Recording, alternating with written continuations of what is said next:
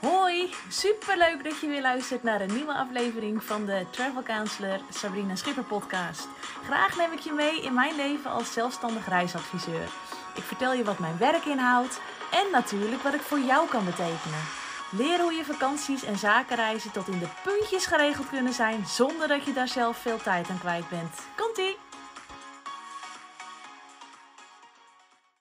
Hi, leuk dat je weer luistert naar een nieuwe podcast. Uh, het is vandaag um, dinsdag 9 januari, de day after um, de leuke dag gisteren met, uh, met alle leveranciers en alle nieuwtjes. En uh, meteen ook een hele hectische dag, want ja, je, hebt, bent natuurlijk een dag niet aanwezig geweest. En in de kerstvakantie ja, was het toch ook een beetje uh, ja, een beetje schipperen, zeg maar, tussen het gezinsleven en de vakantie en uh, werk. Dus dit is eigenlijk de eerste dag dat ik weer volledig aan het werk ben. En Oh man, er is zoveel op me afgekomen. Ik heb echt allemaal nieuwe vakantieaanvragen. Ik heb één super lieve klant. Die zijn eigenlijk net terug van vakantie. Die zijn in Egypte geweest in, de, in december. En die kwamen nu met eh, twee aanvragen voor het komende jaar. Gelijk ook alweer een, eh, een zomervakantie en een nieuwe wintervakantie. Ja, dus geweldig jongens. Echt super lief. Uh, ik heb ook een nieuwe aanvraag gekregen van een klant die ik uh, persoonlijk niet ken, maar die ik vorig jaar via via uh, heb leren kennen. En die hebben mij een weekje naar de Canarische eilanden geboekt en die waren ook helemaal enthousiast. Dus die komen ook weer bij me terug. Uh, ik heb leuke um, aanvragen liggen voor uh, jongeren die graag in een villa willen zitten. Ik heb een aanvraag gekregen van een, een heel leuk stel dat op vakantie wil naar Lapland in maart. Dus ja, het is fantastisch. En ondertussen heb ik nu bij elkaar 42 sprekers die ik nog moet boeken voor de conferentie in maart. En dat moet eigenlijk ook deze week gebeuren. Dus ja, het is gewoon uh, lekker druk. Maar ik heb wel gewoon mijn goede voornemen kunnen volhouden vandaag. Want ik vind ook dat ik een beetje voor mezelf blijf zorgen, moet blijven zorgen. Want ik heb vorig jaar, uh, ja, had ik echt dagen dat ik gewoon niet eens tijd had om te eten. Dat ik alleen maar door, door, door, door, door ging. Uh, en vandaag heb ik ook wel eventjes tijd genomen om even een korte wandeling te maken. Niet te lang, want het is gruwelijk koud. Maar gewoon toch eventjes een frisse neus halen. Eventjes naar buiten. En ik ben verplicht door Vincent om de dokter te bellen, de huisarts te bellen. Voor mijn krentenbaardverschijning op mijn gezicht. Dit heb ik maar gedaan. En ik kon ook gelijk terecht. En ik kreeg een antibiotica kuur mee voor 10 dagen. Wat betekent dat ik straks, als ik in Tenerife zit, geen lekkere wijntjes mag drinken. Dus daar baal ik wel een beetje van. Maar goed, uh, gezondheid staat natuurlijk voorop. En uh, nou ja, in dat geval, uh, dat, heb ik goed gedaan vandaag, want er wordt nu aan gewerkt. Dus hopelijk straks weg met al die kosten en plekken in mijn gezicht. En wordt het nog eens wat? Oké, um, ja, ik heb gisteravond een, um, een hele uitgebreid verslag gedaan van alles wat er op de leveranciersdag was gebeurd. Maar ik heb één onderwerp, één leverancier heb ik niet benoemd gisteren. En die wil ik vandaag graag even highlighten. Want uh, ik vind het leuk om deze eventjes los te benoemen. Het gaat namelijk om een luchtvaartmaatschappij. En de naam van deze luchtvaartmaatschappij is JetBlue. Misschien ken je hem, misschien ken je hem niet. Maar hij is de afgelopen maanden uh, veel in het nieuws geweest omdat er een mogelijke stop was van Schiphol om JetBlue uh, toe te laten. Dat ze geen eigen tijdslot meer kregen. Um, maar inmiddels uh, hebben ze vrijdag het bericht gekregen dat het toch allemaal doorgaat. Dus ze blijven vliegen op Amsterdam. En woehoe, dat is super goed nieuws voor ons allemaal. Want waarom? JetBlue is een nieuwe airline tussen Amsterdam Boston en Amsterdam en New York. En het is geen nieuwe airline in de zin van dat hij nieuw is, maar voor de Nederlandse markt is hij nieuw. Hij is al 23 jaar oud. Hij vliegt, ze vliegen dus al 23 jaar door heel Amerika heen. Ze hebben heel veel ehm, binnenlandse vluchten ook in Amerika. En maar wat is nou zo bijzonder aan deze airline? Deze airline, of luchtvaartmaatschappij, is, ehm, eh, die stelt de mens centraal. Zij hebben dan ook een hele hoge servicewaarde en een hele aannemelijke, fijne, prettige, lage prijs. Het is geen low-cost carrier, want in low-cost carriers moet je overal voor betalen. Uh, alle extra's aan boord, bagage, eigenlijk alles. Um, maar bij deze maatschappij zit, al, zit er echt al heel veel in. En dat is echt ontzettend fijn.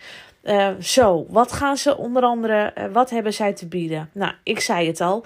De mens staat centraal en low fares en high value. Wat houdt dat in? Dat betekent dat alle vluchten altijd inclusief drankjes zijn, snacks en maaltijden. Op het moment dat jij in je stoel gaat zitten, dan kun je op je schermpje voor je je maaltijd al uitkiezen. En mijn advies is ook: doe dat, want dan ben je er als eerste bij. Wacht je daarmee, dan heb je kans dat een deel al op is. Want op je scherm worden alleen de maaltijden uitgestald die er ook daadwerkelijk nog zijn. Dus als iets is uitverkocht, dan zul je dat ook niet op je schermpje terugvinden. Dus dan mag je kiezen uit negen maaltijden. Dan kies je uh, één hoofdgerecht en twee bijgerechten. En um, nou, dan kun je gewoon lekker beginnen met je entertainment systeem. Want in elk, op elke vlucht zit ook zo'n in-flight systeem. En dan kun je lekker gaan chillen. En wat ze ook doen, is binnen een uur de maaltijden uitserveren. Dus zij, uh, dat, en hoe kan dat? Dat kan omdat zij met een relatief klein vliegtuig vliegen. Dus uh, er zitten niet zo heel veel passagiers in, waardoor jij als passagier alle aandacht krijgt en dus nooit lang hoeft te wachten. Um, verder hebben ze ook de meeste beenruimte van alle transatlantische carriers in de economy class. En dat scheelt zomaar uh, 1 à 2 inch met de andere luchtvaartmaatschappijen. Nou, als je bedenkt dat een inch 2,5 centimeter is en 2 inch is 5 centimeter, dat is net even dat stukje wat je soms even tekort komt. Wat natuurlijk fantastisch is. Uh, daarnaast hebben zij op alle vluchten wifi. Dus jij kan gewoon altijd lekker op je internet zitten. Uh, of je gaat werken, of je gaat uh, wat anders doen. Dus je hebt, je hebt gewoon wifi in de lucht. En dat is echt niet, dat is echt niet vanzelfsprekend. Dat heeft niet iedereen. Um, nog een voordeel. Als je denkt van nou, ik vind die extra beenruimte wel lekker, maar ik wil eigenlijk nog een beetje extra beenruimte. Dan hebben ze een, een speciale mint class. En dat is gewoon een soort van, ja, een soort van business class-achtig iets. Uh, waar je dus eigenlijk gewoon ook nog je eigen kleine cabine hebt. En helemaal voor in het vliegtuig zijn nog twee suites, noemen ze dat. Daar heb je nog meer ruimte ook in je eigen uh, cabine. Maar dan heb je ook nog een bankje bij. Dus als jij mensen op de vlucht hebt zitten um, en jij hebt deze cabine, dan kun jij bijvoorbeeld iemand uitnodigen om lekker een cocktailtje te komen drinken bij jou in je eigen privé cabinetje. Dat is toch hartstikke leuk. En uh, het is helemaal niet uh, heel belachelijk duur. Want zo'n mintglas, die boek je al voor, nou, zeg, zeg 2000 euro. Dat is voor een, voor een business class tarief, is dat niet heel veel geld. Um, dus ja, ik ben eigenlijk wel heel content met deze airline. Juist omdat ze zo compleet zijn. Um, en omdat ze uh, ja, toch heel veel voordelen hebben. En een ander voordeel, en het laatste voordeel, is dat zij een eigen terminal hebben op JFK. Zij hebben Terminal 5 en die is alleen voor JetBlue vluchten. En er zijn niet heel veel JetBlue vluchten die op hetzelfde tijdstip aankomen. Dus als jij daar landt en je wil lekker New York ingaan, dan ben je daar ook snel door de douane heen. Want je hoeft niet in de Eftelingrij te gaan staan zoals je dat vaak ziet op airports.